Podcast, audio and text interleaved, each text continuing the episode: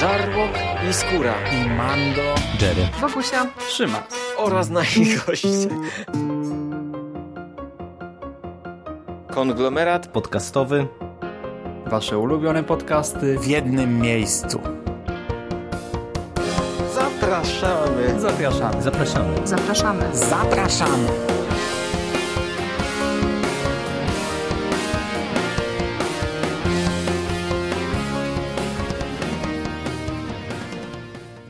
Witamy w konglomeracie podcastowym, czyli na platformie, która zbiera wszystkie Wasze ulubione podcasty w jednym miejscu.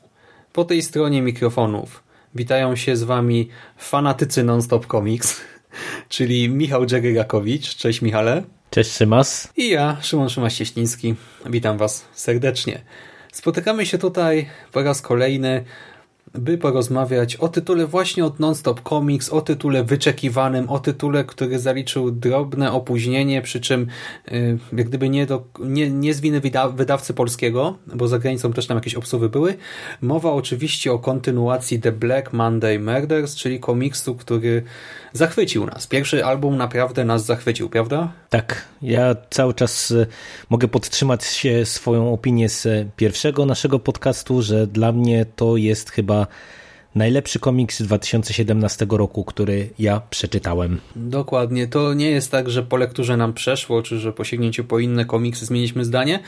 Ja też się z tym zgadzam. Y, to było jakieś tam wydarzenie w naszej prywatnej przygodzie z komiksami i ten drugi tom y, ty chyba lepiej pamiętasz daty, tak? W końcu on, on miał to, tę obsuwę i ukazał się ostatecznie którego? 18 kwietnia za granicą, a u nas chyba Polsce tydzień później. dosłownie, tak, tak, 25. parę dni później.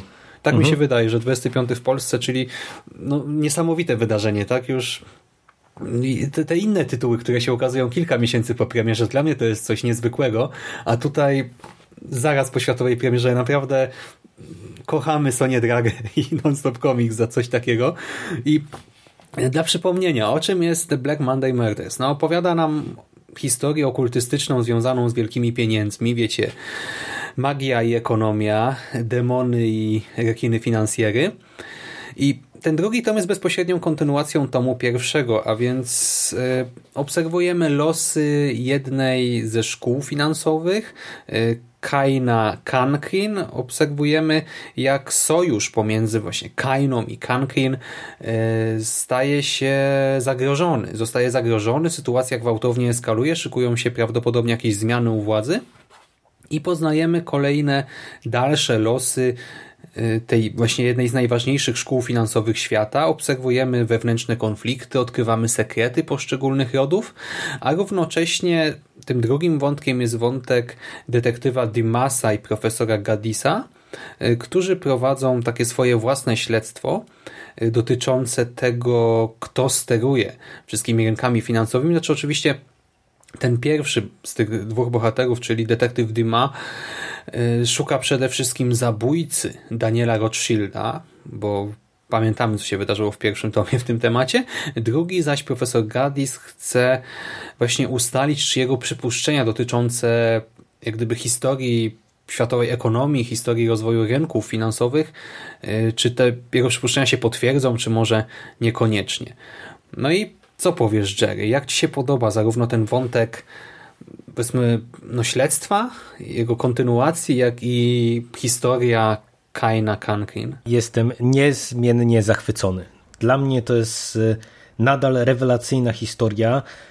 Nieco inaczej rozpisana, ponieważ y, tutaj Hickman już y, no, miał stworzone fundamenty tymi pierwszymi czterema zeszytami, no bo to też warto dodać, że tutaj ponownie mamy zebrane w tym tomie cztery zeszyty, przy czym to nie są te zeszyty standardowe, tylko tak jak w tym pierwszym podcaście mówiliśmy, znów to jest powtórzone, to są takie grubsze e, zeszyty podane również tak jak to w pierwszym tomie było no, w dosyć specyficzny sposób od strony stricte formalnej.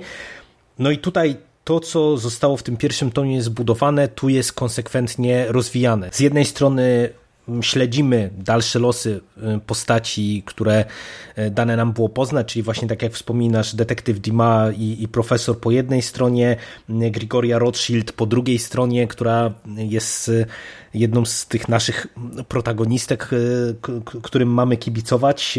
Tak przynajmniej się wydaje na ten moment, e, te poszczególne rody i tak dalej, i tak dalej. I to jest prowadzone naprawdę wyśmienicie dla mnie, dlatego że z jednej strony akcja jest bardzo dobrze i umiejętnie posuwana do przodu, wiesz, że nie mamy, przynajmniej ja nie miałem poczucia że drepczemy w miejscu, tylko tutaj naprawdę... No, absolutnie nie, no co ty... Tylko tutaj naprawdę się bardzo dużo dzieje i, i w każdy z wątków, każda z postaci przechodzi w tym tomie jakąś drogę, ale z drugiej strony Hickman y, bardzo umiejętnie dawkuje kolejne tajemnice, bo tak naprawdę na każde jedno rozwiązanie, które w tym tomie poznajemy, to dochodzi nam kolejna zagadka, kolejny jakiś element układanki.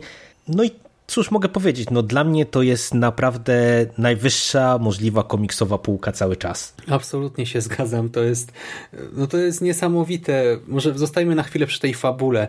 To śledztwo, nie? Ono zaczyna się rozmową dwójki bohaterów, profesora i detektywa i ta rozmowa jest po prostu źródłem ekspozycji, ale ją się czyta, chociaż tam jest po prostu jakiś multum informacji nie, na tych kilku stronach, z takim niesamowitym zaangażowaniem. Teoretycznie na otwarcie drugiego albumu to powinien być strzał w kolano, tak? Tona ekspozycji, rozmowa właśnie badacza, eksperta w jakiejś dziedzinie, który tłumaczy innej osobie jak funkcjonuje ten świat przedstawiony, no to nie powinno się udać, a zagrało doskonale. Ja byłem od razu tak wciągnięty, od razu e, wchłonąłem te informacje i byłem ciekaw, do czego nas to doprowadzi.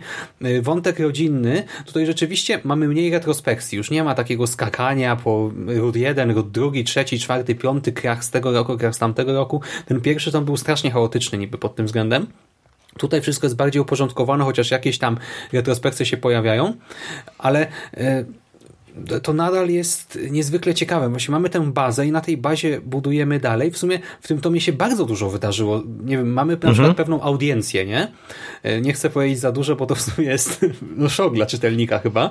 No to przecież to jest scena, która sprawia, że zbierasz szczękę z podłogi i nie wierzysz, że to się stało i to w drugim albumie, znaczy już, nie wiem, no ja myślałem, że może gdzieś tam w finale całej serii do czegoś takiego dojdzie, a tutaj już w drugim albumie dostaliśmy tę audiencję no przecież to jest, no to jest niesamowite jeszcze dla fana horroru, takiego jak ja czy ty. No przecudowna, przepiękna sekwencja. Te wszystkie konflikty też w rodzinie. Ty mówisz tutaj, że powinniśmy kibicować Grigori. No ja właśnie nie wiem tutaj komu kibicować, bo dla mnie każdy ma tutaj jakieś sekrety, każdy ma coś za uszami ale też mi się podoba, bo no, jednak mamy do czynienia z tym brudnym, y, czarnym kryminałem, z wątkami okultystycznymi, zmieszanym właśnie z też takim nieprzyjemnym raczej horrorem.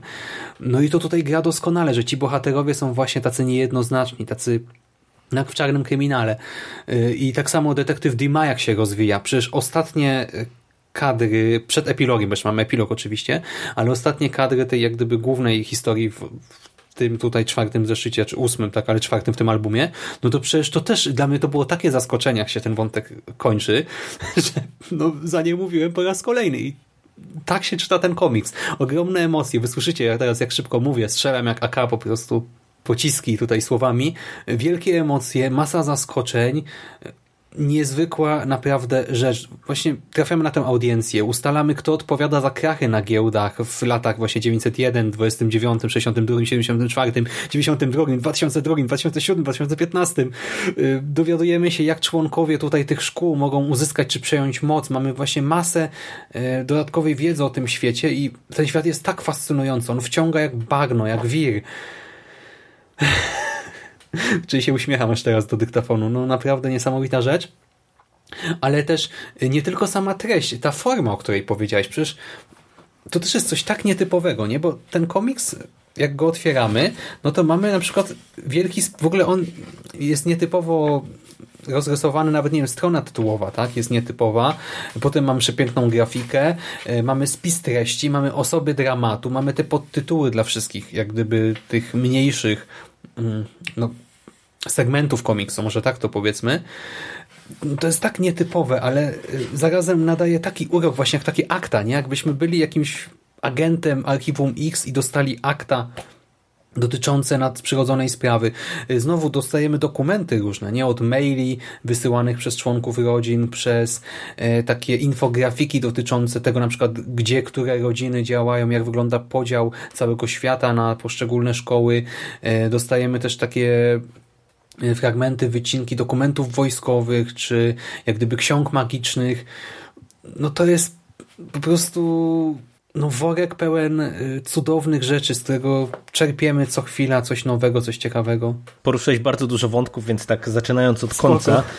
Ta, ta, ta strona formalna, moim zdaniem, to jest naprawdę mistrzowsko wykonane, bo mm, w niektórych recenzjach trochę był podnoszony chaos, jaki y, to generowało w ramach tego pierwszego tomu. Natomiast wydaje mi się, że to jest y, coś, o czym my też już wtedy mówiliśmy, że to jest taki trochę pozorny chaos, dlatego że jak e, człowiek sobie w głowie to poukłada wszystko, to nagle się okazuje, że Hickman tak naprawdę doskonale panuje po prostu nad tą stroną formalną. I to, że on nam w konkretnym e, miejscu e, prezentuje jakąś informację w danej formie też, czy to właśnie maila, czy to artykułu prasowego, czy to wycinka jakiegoś dokumentu, to ma swoje znaczenie i swoje uzasadnienie. I to jest rewelacyjna rzecz, dlatego że w komiksie w sumie, który jest prowadzony no, pod kątem tej kreski bardzo realistycznie, e, no to też e, ta strona taka e, formalna, gdzie właśnie, tak jak wspomniałeś, trochę to się czyta jak takie akta, no to to tylko potęguje klimat. Właśnie wracając do archiwum Mix, do akt, to jeszcze bo to nie jest chronologiczne tak do końca. Czasami mhm. to się wydaje nieuporządkowane, ale to jest dla mnie absolutnie wartość dodana, bo dzięki temu my się jeszcze bardziej czujemy jak osoba, która prowadzi śledztwo w tej sprawie. Ja się naprawdę czuję jak, jak wiesz, jak dzieciak czytający jakieś opowieści detektywistyczne, układam sobie to w głowie właśnie, y, ta chronologia, y, to wszystko tutaj niby jest troszkę nieuporządkowane, ale bardzo łatwo można ten porządek odnaleźć, jak się czyta ten komiks, a po lekturze można też wrócić, tak jak przy pierwszym albumie, rzeczywiście e, tam ten świat jest na tyle skomplikowany, że niektóre teksty czytałem po trzy razy, żeby właśnie załapać wszystko, e, co, czego dotyczy, tak o czym w ogóle czytam w danym momencie. I po lekturze jeszcze wypadało wrócić do pewnych elementów. Tak tutaj, znaczy ja też po zamknięciu albumu część tych jeszcze dokumentów sobie przejrzałem po raz drugi, ale nie czułem się absolutnie zagubiony. Wręcz przeciwnie, czerpałem satysfakcję z bycia tym domorosłym Sherlockiem Holmesem i no to jest jak gdyby dodatkowy poziom jeszcze zabawy, tak? Ta, ta gra z tekstem. To nie jest tak, że tylko my to biernie odczytujemy, ale dodatkowo jeszcze no, musimy obcować, jakoś wejść w to wszystko i wtedy czerpiemy jak gdyby tę radość jeszcze raz, jeszcze raz, jeszcze raz. No, nie wiem, jak można to narzekać. No. Nawiązując do drugiego elementu, o którym wspomniałeś, czyli do postaci tego, co ja zasugerowałem, że Grigoria e, Rothschild e, jest tutaj bohaterką, która wyrasta nam na protagonistkę taką pełnoprawną, której mamy kibicować. Dla mnie tak jak jest dyskusyjne, na ile to jest pozytywna postać, mhm. to wydaje mi się, że ten tom trochę nadał kierunek losom tej postaci i tutaj nam się w ogóle trochę klaruje taka nie, nietypowa drużyna, nietypowy sojusz, który wydaje mi się, że w kolejnych tomach y, będzie gdzieś tam rozwijany. Czy wiesz, ten wątek y, takiego tego bardzo nietypo, nietypowego sojuszu, który nam się tutaj w tym drugim tomie e, zaczął y, tworzyć. Mówisz o finale teraz? Się... O tym sojuszu? Mówię o finale, ale też o tym, co się działo wcześniej. Mhm, tak, tak, z tak. perspektywy, wiesz, tam jednej z postaci, która też już nam się pojawiła w pierwszym tomie, a która tutaj e, można powiedzieć, że wybiera stronę konfliktu w pewien sposób. Mhm. E, I to jest dla mnie też niezmiernie fascynujące, bo my po pierwszym e, albumie żeśmy się zastanawiali trochę w jakim kierunku to może pójść, gdzie ta opowieść nas zaprowadzi i tutaj z jednej strony, tak jak wspomniałem, jest bardzo dużo tajemnic, ale z drugiej strony właśnie mi się to podoba, że y, tutaj to nie jest taka, wiesz, taka gra z czytelnikiem, jak to jest nieraz e, w serialach, w, szczególnie tych takich nowszych, polostowych, gdzie e, twórcy tak bardzo są nastawieni na tajemnice i, i wodzenie czytelników za nos, że ja mam wrażenie czasem, że ta główna fabuła się gubi w tym wszystkim, że wiesz, że ta tajemnica i tajemniczość to, to ma być taka wartość nadrzędna całej tej opowieści, a tutaj ani przez moment tak nie miałem. W tym sensie, że wiesz, że tutaj oczywiście jest ten świat mega fascynujący i to, że e, on cały czas skrywa przed nami jakieś e, swoje mroczne tajemnice, to to jest rewelacyjne i to jest rewelacyjnie dawkowane, ale bardzo mi się podoba, że tutaj e, te, te wydarzenia idą w jakimś określonym kierunku i ja naprawdę mam poczucie, że po tych czterech kolejnych zeszytach ta historia posunęła nam się w bardzo ciekawym punkcie i mam pewne, pewien pogląd, czy taki, wiesz, wydaje mi się, że zaczynam czuć, w jakim kierunku to może zmierzać i to może być mm, super rzecz, o, o ile tak to będzie wykonane, a jak nawet nie będzie, to i tak wierzę w Hickmana teraz, że, że zaserwuje nam coś e, rewelacyjnego. I co do takich pamiętnych scen, to no ta audiencja to jest dla mnie coś, co y, no zostanie ze mną na zawsze. Tak jak my mówiliśmy w tym pierwszym tomie, że mieliśmy e, tę sekwencję przesłuchania, która po prostu nas rozjechała jak mhm, walec. Dokładnie. Tak tu, tutaj e, ta sekwencja z audiencją to jest po prostu mistrzostwo świata dla mnie. Ja naprawdę, tak jak ty wspomniałeś, no to, to jest szok, to jest szok, naprawdę. Ja zbierałem szczękę z podłogi, bo no można było zakładać, że w którymś momencie, tak jak właśnie w, przed chwilą mówiłeś, że, że gdzieś tam dojdzie do te, tego rodzaju spotkania, no ale to, jak to jest podane, cała ta sekwencja jest po prostu rewelacyjnie poprowadzona. Od wejścia, od tych pierwszych, wiesz, takich rzeczy przygotowujących, można powiedzieć, do, do audiencji, poprzez to, jak ta rozmowa przebiega, no to jest po prostu wielka rzecz i dla mnie to jest tak dobrze zrealizowane, że ja po prostu sobie nie wyobrażam, żeby to, to można było e, zaserwować lepiej. Szapoba. Tym bardziej Mhm, dokładnie tak. Tym bardziej, że wiesz, że tutaj y, ja bym chciał płynnie przejść też do mm, grafiki, bo y, tutaj naprawdę ta strona graficzna, to jak y, to jest wszystko rysowane, jak to jest prezentowane od strony tej wizualnej, to co robi Tom Cocker i to jak kolorowane to jest przez Garlanda, to jest też dla mnie naprawdę mistrzostwo, bo te rysunki do tej historii pasują po prostu jak, y, nie wiem, najlepsza rękawiczka robiona na miarę do, do czyjejś dłoni. No to po prostu tak się uzupełnia, tak, tak się przenika wzajemnie, że ja po prostu prawie, że nie jestem w stanie sobie wyobrazić, żeby ta opowieść mogła być po prostu lepiej zilustrowana i na przykładzie takich teoretycznie czekaj, może dy, dyskusyjnych scen, y, tak, tak ci pozwól, że tylko skończę, mhm. takich wiesz, dyskusyjnych scen, czy scen, które by mogły trochę nie zagrać, albo by mógł powstać jakiś dysonans, tak tutaj ta warstwa graficzna tak dobrze y, jest po prostu egzekwowana, że to tylko i wyłącznie y, jeszcze podbudowuje te dobre wrażenia fabularne. Mm -hmm. Pasuje tak jak rękawica nieskończoności do dłoni Thanosa. Jest jedna taka wykuta po prostu, wiesz, w jednym niezwykłym, niesamowitym miejscu. Nie da się tego zrobić lepiej. Ja się absolutnie zgadzam. I wracając na chwilę, yy, chociaż to się wiąże jedno ze sobą, yy, powiedziałeś tak, że ten komiks jest realistyczny mocno, tak? I w oprawie graficznej, ale też scenariuszowo. Przecież yy, ten research, który tutaj Hickman wykonał, nie? Te wszystkie fakty dotyczące ekonomii, kryzysów, finansowych, funkcjonowania właśnie świata wielkich pieniędzy, no to tutaj czuć na każdym kroku i w tej takiej całkiem realistycznej historii, która też mogłaby być po prostu zwyczajnym czarnym kryminałem, pojawia się coś tak nadprzyrodzonego i tak właśnie burzącego, tak jak w horrorze, nie burzącego zupełnie posady tego świata, załamującego wszystkie reguły, y, których byśmy oczekiwali od takiego świata, no to jest no, to aż dziwne, że to się aż tak udało. Ja, ja sam właśnie nie wierzyłem, że widzę coś takiego i, to, i nie odczuwam dysonansu, tylko po prostu y, czuję strach, czuję podziw. To jest tak, po niemiecku się nazywa das Erhabene. Teraz brakuje polskiego słowa, ale po prostu wiesz, te sprzeczne emocje się we mnie mieszają i po prostu jestem pod ogromnym wrażeniem jako czytelnik, jako osoba empatyzująca też z bohaterami po prostu tutaj. I wracając do oprawy graficznej, to, to jest cały czas to samo, nie? Czyli dużo właśnie czerni, dużo cienia w ramach światło cienia, e, taki rysunkowy brud, e, też barwy troszkę sprane, raczej mroczne, ale wszystko e, całkiem realistyczne. I no to naprawdę pasuje doskonale. Ja bym tutaj niczego nie zmieniał. Tutaj nie miałem ani jednego momentu, gdzie by mi cokolwiek nie zagrało i bardzo często nawet te takie statyczne sekwencje, na przykład rozmowy bohaterów, e, robiły mhm. na mnie wielkie wrażenie, bo ja się zatrzymywałem na e, tych malutkich takich też kadrach, kadrzykach wręcz i obserwowałem mimikę postaci. No przecież tutaj to tak fajnie gra, że czasami bohater nic nie mówi, właśnie na przykład Dimama kilka takich momentów, że nie odzywa się, tylko patrzymy na jego oczy, czy na wyraz twarzy, ułożenie ust i my wiemy, co on teraz myśli, czy co on teraz czuje.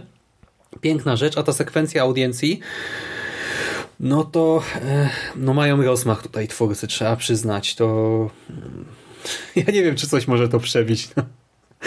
A, a, jeszcze jeżeli chodzi o warstwę graficzną i w sumie też fabularną, to e, mamy tutaj parę takich naprawdę mocnych, krwawych sekwencji ponownie, no bo takie rzeczy też się pojawiały już w tym pierwszym tomie. I zobacz jak pod kątem właśnie i fabularnym i wizualnym, jak to świetnie wypada, jak tutaj na przykład mamy te e, takie elementy jakieś magiczne, e, można powiedzieć, właśnie w tych krwawych sekwencjach też się pojawiające, to jest po prostu tak perfekcyjnie y, rozplanowane, zrobione, że to robi no, niesamowite wrażenie. Jak sobie otworzysz po prostu teraz któreś, y, któryś z kadrów z końcówki, mm, no to to jest po prostu magia w czystej postaci, ale nie tylko pod kątem magii w świecie przedstawionym, ale po prostu to, jak to fenomenalnie y, gra całościowo. Także no, wielka, wielka rzecz. Tak, i ten komiks kończy się z potrójnym przytupem, to znaczy e, pojawia się na koniec jedna z postaci, która była sygnalizowana wielokrotnie w obu albumach. Dochodzi do tej eskalacji, o której wspominałem między właśnie Kainą i Kankinem e, i do tego jeszcze pojawia się wielki twist w wątku naszego detektywa, więc naprawdę ten ostatni zeszyt tutaj to jest bomba, jedna wielka bomba i też w ramach tej eskalacji obserwujemy coś, co można by nazwać no, okultystycznym, magicznym e, pojedynkiem i wiecie, jak słyszycie coś takiego, to pewnie kojarzycie jakieś takie sekwencje kiczowate, nie? A tutaj kurczę, to zostało tak prosto pokazane, ale zarazem właśnie to, to było emocjonujące, to aż o dziwo, bo... Mega, mega. I w sensie, jakby mi ktoś powiedział, że mam coś takiego rozrysować, czy chociaż w sensie wyobrazić sobie, tak, zaproponować, jak to zrobić, e, to chyba bym nie wpadł na to, że to można tak prosto, ale zarazem tak przejmująco, właśnie z takim napięciem przedstawić, bo to jest dosłownie, w sumie to dużo stron nie zajmuje, ale wrażenie robi niesamowite. Ten pojedynek, kolejna piękna rzecz. I jeszcze jedna Y, ciekawostka, te okładki. My bardzo chwaliśmy okładkę pierwszego tomu, nie? Pamiętasz? Tak, tak, tak. Mhm. I tutaj ta okładka jest podobna. To znowu jest y, taka wielka czacha, tutaj też z jakimiś wyrwanymi zębami, troszkę uszkodzona. Y, bardzo prosty koncept, bardzo atrakcyjny, estetyczny i jeszcze się okazuje, że to ma jakieś odniesienie jak gdyby w treści komiksu, w sensie, że to nie są po prostu mroczne okładki do okultystycznej historii, tylko że no coś podobnego obserwujemy w samej treści i to też dla mnie było takie bardzo pozytywne zaskoczenie, że to nie jest tylko taki, wiesz, clickbait, czy taki gimmick, taki haczyk na czytelnika, żeby zobaczył wow, mroczny komiks, tylko że to potem też obserwujemy coś podobnego w treści. No, piękna rzecz. No, ja nie mam nic do dodania. Piękna rzecz. Zgadzam się w pełni. I co? Chyba wyczerpaliśmy wątek po prostu. W ogóle wysłyszycie, nie? Że my się uśmiechamy, że my mówimy z takim entuzjazmem.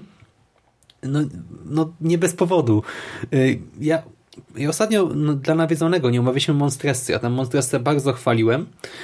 I teraz właśnie sięgnąłem po ten drugi tom The Black Monday Murders i i znowu teraz mam ochotę powiedzieć, że to teraz jednak ten komiks wygrywa, że to jest najlepsza rzecz od Non-Stop Comics, że Monstressa minimalnie spadła. To nadal jest, to i to jest na najwyższym poziomie, ale kurczę, no ja się zakochałem w tym drugim albumie totalnie. Wsiąkłem na 100%.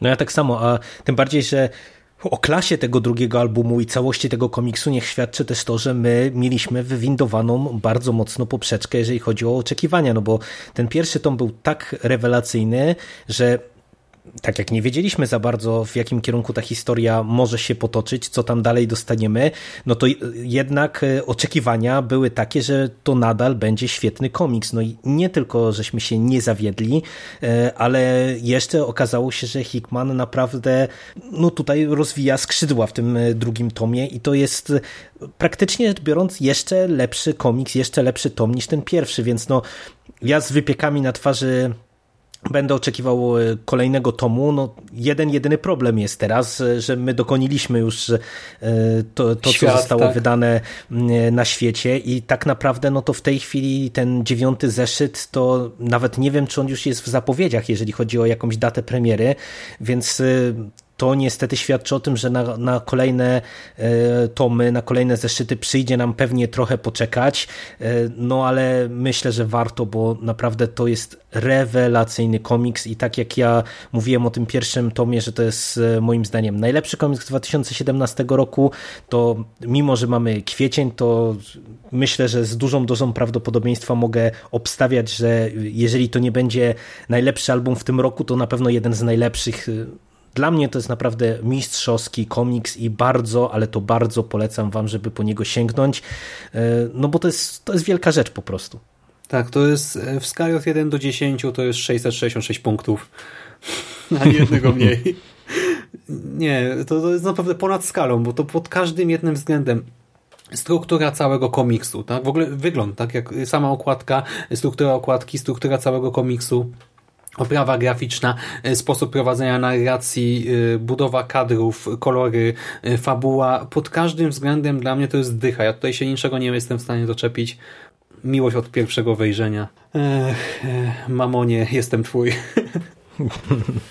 Dokładnie tak. No i mówię, i teraz tylko uzbroić się w cierpliwość i, i niech szybko te kolejne zeszyty powstają. Dokładnie tak. Dobra, Jerry, to nie będziemy przedłużać. Kochani, serdecznie zachęcamy do lektury. Dzięki Ci, Michale, za rozmowę. Dzięki. Ech, a Wy, słuchacze, trzymajcie się ciepło. Czytajcie dobre komiksy. Do usłyszenia następnym razem. Cześć. Cześć.